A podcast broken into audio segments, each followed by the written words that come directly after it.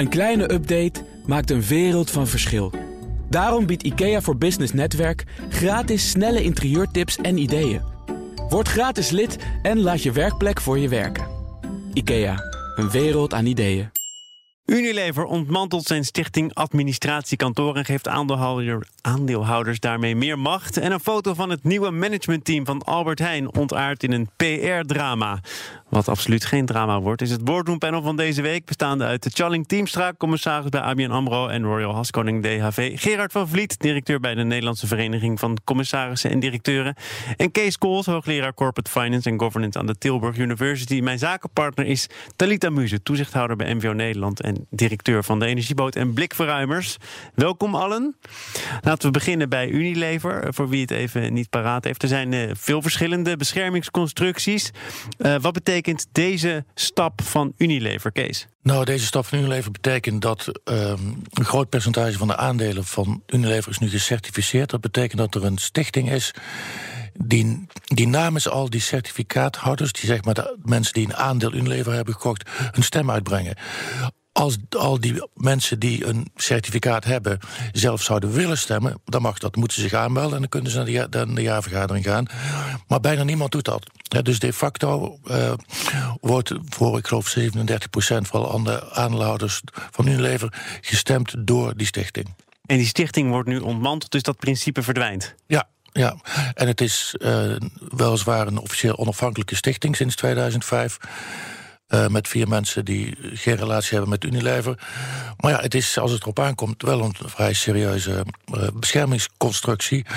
Omdat, uh, ja, als, omdat als er iemand iets, iets zou gebeuren en er komt een, een, een, overname die niet gewenst is of wat dan ook, ja, dan zullen misschien iets meer mensen uh, zelf willen gaan stemmen, maar de meeste niet. En dan is dit ook gewoon een hele forse, uh, een, een, forse tegenkracht. Dat, dat klinkt alsof jij niet per se enthousiast bent over deze overigens al aangekondigde maatregel om die beschermingsconstructie te laten verdwijnen. Ja, aangekondigde maatregel wat ik las is dat die, dat stichtingsbestuur, uh, dat die er nu over denkt en zich klaarmaakt daarvoor. Dus het is nog niet helemaal definitief, maar het zal wel doorgaan. Nou, het is heel lastig. Dit is, dit, dit, dit is een heel lastig dilemma in mijn ogen. Aan de ene kant wil je niet dat beursgenoteerde ondernemingen een management hebben wat slecht presteert en wat zich, uh, wat zich kan verschuilen achter dit soort beschermingsconstructies. Dat is in het verleden toch redelijk vaak voorgekomen. Aan de andere kant wil want je. als je slecht presteert, is de, is de analyse, dan ben je ook een interessante overnamekandidaat. Nee, want als je, ja, maar als je slecht presteert, dan ben je dus uiteraard een interessante overnamekandidaat. Maar als dan zo'n stichting tussen zit die uh, het management beschermt, ja, dan kan dat slecht presterende of relatief ja, slecht presterende management gewoon blijven zitten. Uh, en dat, dat wil je niet. Maar je wilt aan de andere kant ook niet dat ondernemingen zomaar uh, voor te grabbel zijn. Maar, en dat maar ze het initiatief hiervoor is nu uit het management van Unilever Ja, dat is wel interessant, ja. Ja, waarom? Dat is wel interessant. Nou, vraag even aan Charling.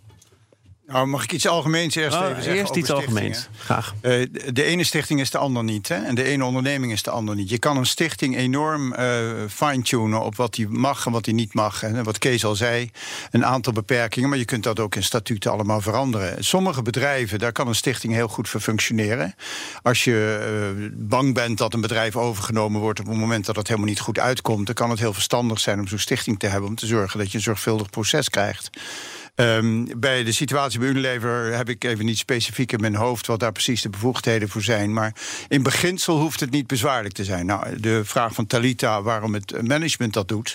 Over het algemeen heeft management behoefte aan een grote free float van aandelen. Dat is gewoon prettig dat je gewoon weet dat je. Dus de koersvorming is, is beter inzichtelijk. Uh, je kunt gewoon.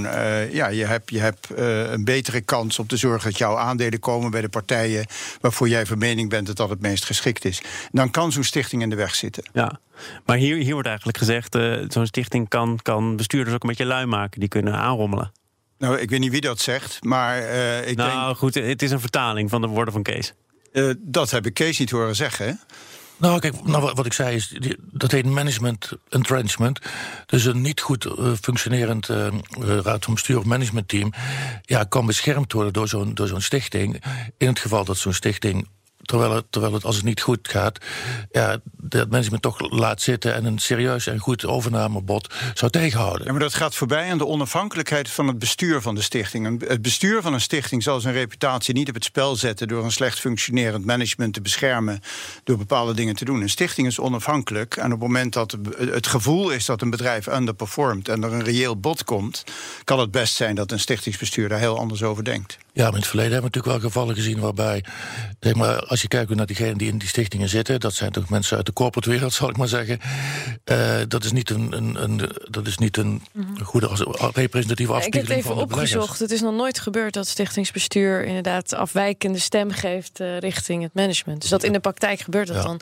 maar is het dan nu dat Unilever dan dus meer tegen gas wil, omdat ze meer andere aandeelhouders misschien ook willen en die individueel kunnen stemmen? Dat ze meer die dynamiek willen veranderen? Want blijkbaar zijn ze niet tevreden over die huidige. Ik ga het even aan Gerard vragen, want voor je het weet heb je helemaal niet meer in de gaten dat hij ook onderdeel is van dit panel. Welkom. Je weet, kwaliteit en kwantiteit kunnen zich soms wel eens niet houden. um, uh, wat, wat betreft Unilever, je ziet de tendens dat het steeds transparanter aan het worden is. En, en de publieke opinie ook een heel groot onderdeel uit. Uh, als je de imago hebt dat je dat allemaal beschermt, is het soms wat minder. Maar ik ben het helemaal met Jalling eens. Het valt helemaal samen met datgene wat de organisatie dat moment nodig heeft. In een familiebedrijf een stak hebben, een stichting administratiekantoor, want zo heet het dan formeel kan soms heel nuttig zijn om de families uit elkaar te houden. En te zorgen dat je niet alle uh, familieleden in een soort uh, onvermogen op je aandeelhoudersvergadering krijgt. Maar dat geldt ook voor start-ups, waar heel veel business angels op die manier gestroomlijnd worden in een bepaalde structuur. Maar dus, Unilever is geen start-up meer, ook geen familiebedrijf? Nou, volgens, volgens de begrippen die je soms wel hoort, zijn ze nog aan het starten met innovatie en met duurzaamheid. Dus wat dat betreft zou het, zou het, dus, zou het gewoon een start-up kunnen zijn. Uh, nee, ik, ik, denk dat voor Unilever past gewoon binnen de, de totale structuur dat het, dat het transparant moet zijn en dat je niet bang moet zijn dat je overgenomen wordt. Dus al met al vrij logisch dat deze. Ik denk voor Unilever absoluut logisch. Oké, okay, Charling toch ook wel in dit geval. Nou, kijk, in zover natuurlijk niet logisch dat het management, hè, want het management die bepaalt het toch voor een groot deel, ja, die geven hier, hierdoor wel, maken zich wel kwetsbaarder voor, voor ongewenste overnames. Dus in die zin is het niet logisch. Maar er zijn nog twee andere dingen die bij Unilever spelen. Het ene is dat ze voor, vorig jaar ik geloof zelfs 22% van preferente aandelen die uitstonden ingekocht hebben over de afgelopen twee, drie jaar. Dus daarmee hebben ze het nog versimpeld. En het andere is het feit dat Unilever bestaat eigenlijk niet. Unilever bestaat uit twee bedrijven: een, een Engelse PLC en een Nederlandse NV. Ja. En dit gaat over de Nederlandse NV. Uh, dus er was een soort, er was een soort ongelijkwaardigheid tussen de Engelse aandelen en de Nederlandse aandelen. Uh, en dat zou allemaal 50-50 moeten zijn. Dus dat wordt nu wel echt veel nog gelijk. Ja, nou is overigens wel die dubbele nationaliteit iets waarvan de nieuwe topman ook zegt... Uh, dat, dat laten we nog maar even zo. Ja, ja, dat weet ik. De Philips of Philips uh, Shell heeft het uh, opgedoekt een, een, aantal jaren geleden. En volgens mij zijn ze daar niet rouwig om. Uh, maar dit is wel, denk ik, ook een stap op, op weg daar naartoe. Ja, is het, is het te begrijpen dat die dubbele nationaliteit op dit moment niet bovenaan het lijstje staat van de nieuwe topman? Maar ik wil geen uitspraken doen over het beleid van Unilever. Ik vind wel een belangrijk thema wat je eerder aanhaalde. Dat is uh, wat is het nut van beschermingsconstructies in zijn algemeenheid? En ik denk dat het goed is als zorgvuldigheidsdrempel om te voorkomen dat iemand in een nacht nebelactie iets kan doen als een bedrijf toevallig in een dip zit. Maar het moet zeker niet uh, de sfeer worden van een ouderwetse verdedigingsmuur op middeleeuwse basis om te denken van nou dan kan ik achter die muur doen waar ik zin in heb. En ik denk dat de realiteit van beschermingsconstructies dat ook niet meer is. Ja, dat, dat zie nu te binnen. Inderdaad, het is inmiddels zo in corporate Nederland of in een vennootschapsland dat als er een overname is en er zijn certificaathouders, zo'n stichting die dat tegenhoudt, ja, dan na een half jaar of misschien drie kwart jaar, dan zal de ondernemingskamer zeggen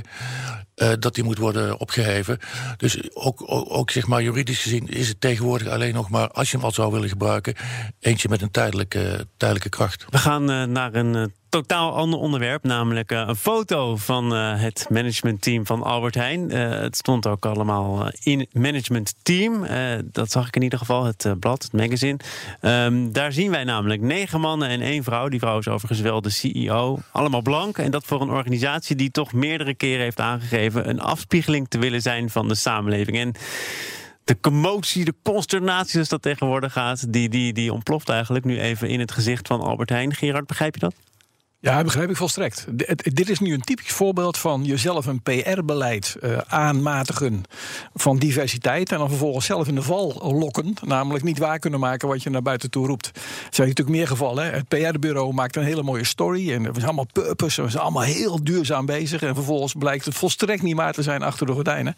Nou, het is nou zo'n geval dat de gordijnen open zijn gegaan. En dat men ineens ziet dat dat niet helemaal klopt met datgene wat gebeurt. Nee. Tweede jammer wat ik vind is dat Albert Heijn daar vervolgens heel gevrongen mee omgaat. Hè. Het is altijd het is geen eens een reactie bij wijze van spreken. Ja, jawel, ik heb hem gezien. Een woordvoerder die zegt dat de zusterbedrijven van Albert Heijn, Gal en Gal en de ethos geleid worden door. Ja, ja, ja, ja, ja. Ja, een vrouw. vrouw. met ervaring, ja, kan niet anders. Ja, uh, nou ja, Talita, dat is ook een thema dat, dat wij ook wel eens hier besproken hebben. Ook, uh, nou, ik ga nu eens even iets heel anders erover zeggen. Kijk, oh. uh, als je, nou, wat betekent het om een afspiegeling te zijn van de samenleving? En moet je dat willen? Want als je dat zegt, dan zeg je dus eigenlijk... Kijk, de mensen aan de top van een groot bedrijf... die zijn al per definitie helemaal niet de afspiegeling van de samenleving. Dus dan moet je ook mensen met een laag opleidingsniveau... en dan moet je heel veel andere... Dus we kunnen ook er veel in doorslaan. Van ga je de gemiddelde diversiteit op straat? Wordt dat je referentie? referentiecijfer waaraan jij moet je die vertegenwoordigt. Ja, doorslaan is niet wat je ziet in die foto. Nee, dus het zou mooi zijn, zeg maar, leg uit. Wat bedoel je als je inderdaad PR-matig zegt: we willen een afspiegeling van de samenleving? Is dat dan op, op, in de supermarkten? Want daar is dat makkelijk te realiseren. Of bedoel je dan ook aan de top? En welke, welke diversiteit bedoel je dan precies? En dat, dat, dat zou ik interessanter vinden om te horen dan nu heel erg focussen op: oh, er staat te weinig vrouwen op die foto. Staan er wat jou betreft te weinig vrouwen op die foto? Um, ik denk dat, ze, dat het helpt om aan de top meer perspectieven te hebben. Maar ik vind dat inhoudelijk interessanter dan mensen tellen op de foto. En daar heel erg op focussen. Ik zou gewoon heel erg willen weten. Hoe gaat een afspiegeling van de samenleving, als je dat echt wil zijn, ook aan de top. Wat gaat dat jullie brengen? En, en welke diversiteit zoek je dan? Ja. Waarbij je andersom. Sorry. Waarbij je andersom kunt redeneren en uh, jezelf ook kunt afvragen van wat heeft Albert Heijn nodig aan de top om te kunnen servicen wat ze hebben, zowel in de toekomst als nu. En is daar een afspiegeling voor nodig die daarbij hoort? Nou, je kunt mij niet vertellen dat het niet belangrijk is om de gemiddelde koper uh, bij Albert Heijn te overtuigen dat er ook een wat diversiteit aan de top zou moeten plaatsvinden. Charling. Nou, verplaats je in de schoenen van de, de CEO. Je wordt benoemd in zo'n zware positie, want dat is een hele belangrijke baan. En je moet een nieuw managementteam samenstellen. Dan begin je met te kijken wat is er nodig om deze onderneming een succes te maken. En natuurlijk hoort diversiteit als input daarbij. Maar het gaat om het, de totale mix aan capaciteiten die je daar beschikbaar hebt. Ik las in jullie artikel dat um, de, de meeste mensen die daar benoemd zijn, ervaren directeuren zijn, die als het ware herbenoemd zijn in dat managementteam. Dan ga je niet zeggen van goh, uh, nou, dat is allemaal leuk dat jij zoveel van logistiek weet. Maar ik heb daar toch liever iemand uh, die, die uit een andere hoek van de samenleving komt. En dan zien we wel hoe dat verder gaat. Dus ik denk dat uh, ik begin, vind deze keuze heel begrijpelijk. Goed, heel kort nog, Kees. Oh, it's all about framing. Of gaat dat niet? It's all about framing. Je zou kunnen zeggen, wat is er nou mooier dan één vrouw die 100, 100 mannen aanstuurt? Ik vind het inspirerend. Het stond wel in het midden van de foto, dat is absoluut waar. Uh, we gaan praten over eh, de opvolger van Hans de Boer. Die vertrekt namelijk als voorzitter van VNO-NCW. Maar uh, ja, we hebben hier een serieuze kandidaat in de studio. Talita, jij tweette gisteren al... ik ben op zich beschikbaar. Ja, nou was het een beetje met een knipoog. Ja, maar die knipoog is er nu helemaal uit. Hè? Nou, maar ik meen het wel serieus. Ik zou het natuurlijk zo, zo doen en ook wel zeker ambiëren. En ik denk dat het wel goed is om... Uh, nou, ik, ik denk dat het heel goed is om te kijken van... zou je voor die opvolger uh, een, een, ondernemer kunnen kiezen? Zeker ook diversiteit wel mee te nemen. In de zin van, ik denk dat het heel erg belangrijk is... dat bij deze grote organisaties die uh, Den Haag binnenlopen... ik heb wel eens opgezocht, Hans de Boer is degene die het meeste... de politici en de ministeries afloopt... van alle andere lobbyorganisaties in Nederland. Op de voet gevolgd door Hans Biesheuvel. Nou, dat vind ik, dan vind ik, dat is zo'n key positie. Die zoveel in alle in de polderoverleg, in klimaat, alle onderhandelingen zo vertegenwoordigende functie heeft namens het bedrijfsleven. Daar moet diversiteit en representativiteit van een brede groep ondernemers in de samenleving, dus ook de kleinere ondernemingen, de duurzame ondernemingen, ja, die moeten zich daarin vertegenwoordigd kunnen voelen. En vaak is dat toch dat het grote bedrijfsleven daar wat meer, uh, dat het is toch het beeld van hij vertegenwoordigt de grote. Dus, dus, jij zou het wel zien zitten. Heeft ze een achterban waar ze op kan rekenen? Kijk ook even hier, hier naar het panel. Talita Musa als nieuwe voorzitter. Als je dan toch een gok wil wagen, moet je die gok nu maar wagen dan. Hè? Dan, kunnen, we, kunnen we in ieder geval, kunnen, kunnen we in ieder geval, kunnen in ieder geval niet naderhand zeggen dat we niet geprobeerd hebben. Als het fout zou gaan. Maar nou, de kans, als, als, iedereen erachter, als iedereen erachter gaat staan, waarom niet? Hè? Want het is ook hier moet beginnen met wat zijn de competentievereisten. Wat wordt verwacht van die positie? Wat wil je daarmee realiseren? En dan vervolgens ga je kijken wie kan daar het beste aan voldoen. En als bij voorkeur dan iemand die ook dan aan, de diversiteitscriteria voldoet.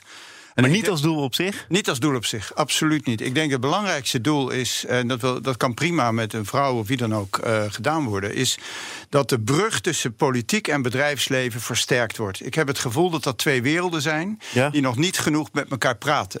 Die niet voldoende respect voor elkaar hebben en niet genoeg begrijpen wat er bij beide partijen gebeurt. En ik denk dat Was dat altijd al zo of is dat nou de afgelopen jaren gepolariseerd? Ik denk dat het gepolariseerd is in de zin, uh, we hebben een aantal excessen gehad en daar merk je gewoon uit, er zit gewoon irritatie aan beide kanten van, oh, maar de andere kant die snapt het niet. En ik denk dat de voorzitter van VNO-NCW, precies wat Talita zegt, die alle deuren gaan voor hem of haar open, dat hij daar een hele goede rol in kan spelen. En daarbij moeten we bedenken dat het niet alleen een groot bedrijf is, want 85% van de economische activiteit in Nederland, precies wat Talita zegt, is midden- en kleinbedrijf. Kees. Nou, wat ik toen straks in onze kleine pauze al even zei, uh, de onvolprezen. Uh, Morris Tabaksblad, uh, die ook al in zijn code heeft op, laten opnemen of opgenomen dat diversiteit belangrijk is en ook dat gedefinieerd heeft op vijf dimensies. Van één natuurlijk uh, de verhouding man-vrouw is.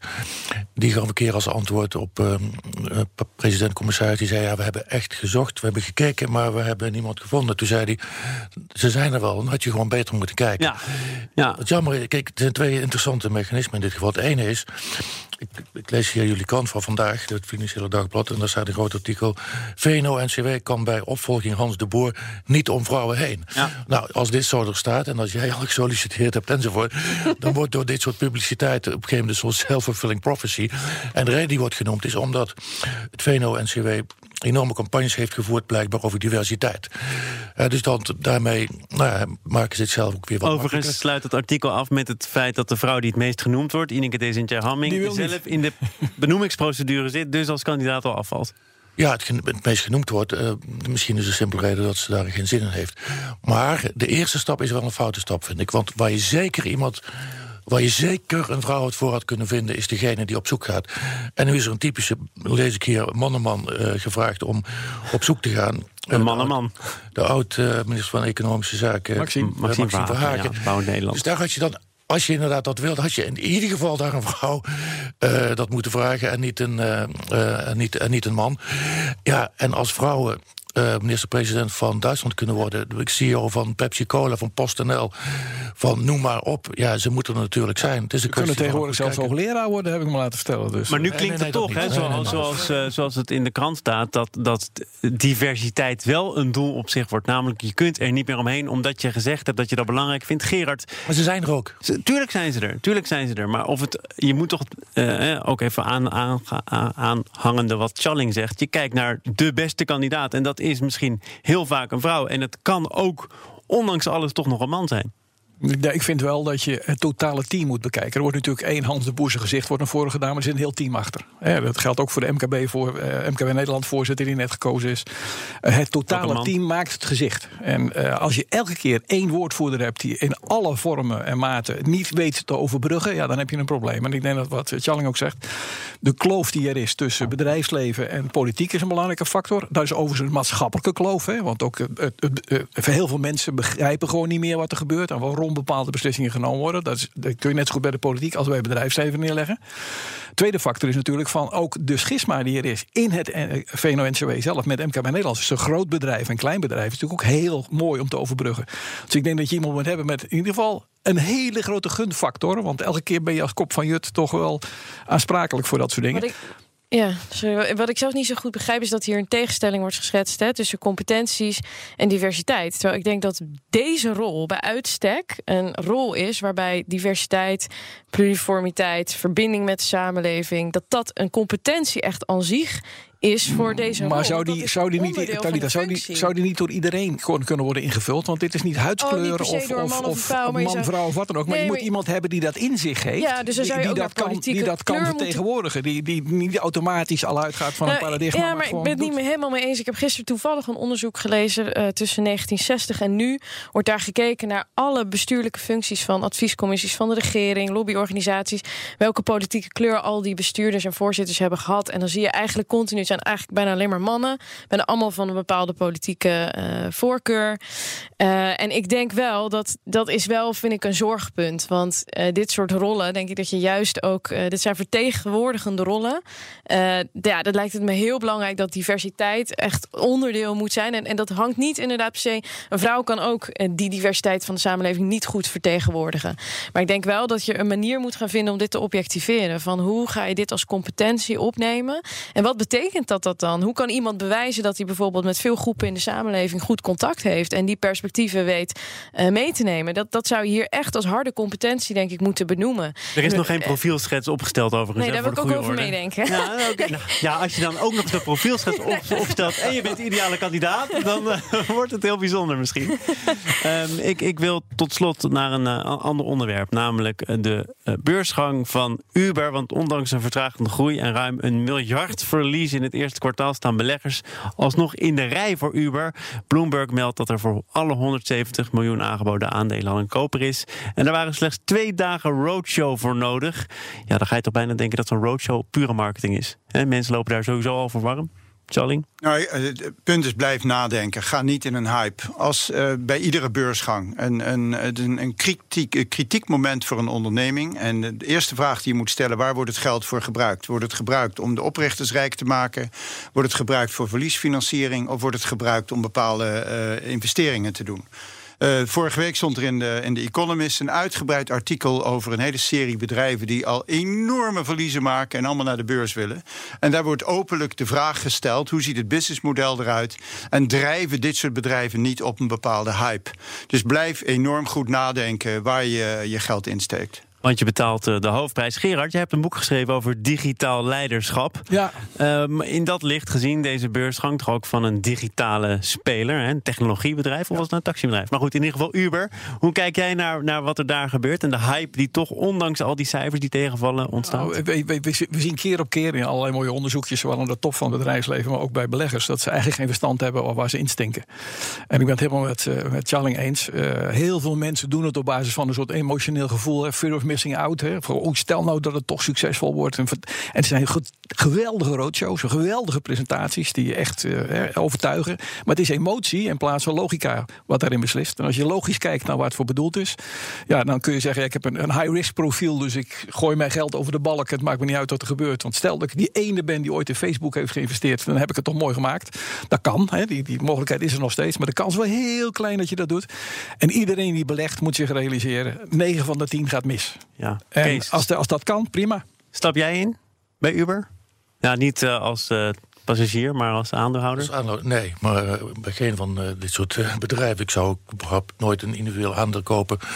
Want niemand kan de markt verslaan of voorspellen. Dus als je aandelen wil beleggen, moet je. Maar is het meer drijfzand dan, dan, ja, dan nou, voor je, andere bedrijven geldt? Kijk, in, in de dotcom-periode, jaren 90, toen was het helemaal uit de hand gelopen. Was, geen enkel businessmodel was nog goed rond te rekenen. Zo erg is het niet meer. Hè, dat, uh, dat je kunt doen wat je wilt. Maar dit businessmodel, ik heb een beetje zitten rekenen. Nou, dat moet, daar moet echt wel heel veel gebeuren. Er wordt nu over 120 miljard gesproken als marktwaarde. Ja, dat is, bij, dan, dan is bijna onmogelijk. Hè. Ze vorig jaar nog 2,2 miljard verlies enzovoort. Aan de andere kant. Uh, aan de andere kant, ja, Amazon, wel bekend, uh, in 1995 opgericht en maakte na, ze, na 17 jaar. Ja, ja, dit is het scenario wat Gerard schetst. Stel, eerst, je stapt daarin. Eerst, pas voor het eerst winst. Uh, en maakt nu, en ja. nu is de, de winst van Amazon groter dan de hele omzet, omzet van heel Philips. Uh, maar goed, de, eh, dat, dat betekent verder niks voor, voor in dit geval, maar kijk uit. Kijk uit. Een waarschuwing aan het einde van dit boardroom panel. En het panel bestond uit Kees Kools, hoogleraar Corporate Finance and Governance aan de Tilburg University. Challing Teamstra, commissaris bij ABN AMRO en Royal Haskoning DAV. Gerard van Vliet was hier directeur bij de Nederlandse Vereniging van Commissarissen en Directeuren. En een speciale dank voor mijn zakenpartner Talita Muse. Blijf je ook gewoon zakenpartner als je zo meteen uh, voorzitter bent van... Ah, fantastisch. Het inrichten van je eigen zaak is best wel wat werk. Daarom biedt IKEA voor Business Netwerk 50% korting op interieuradvies. Word gratis lid en laat je werkplek voor je werken. IKEA, een wereld aan ideeën.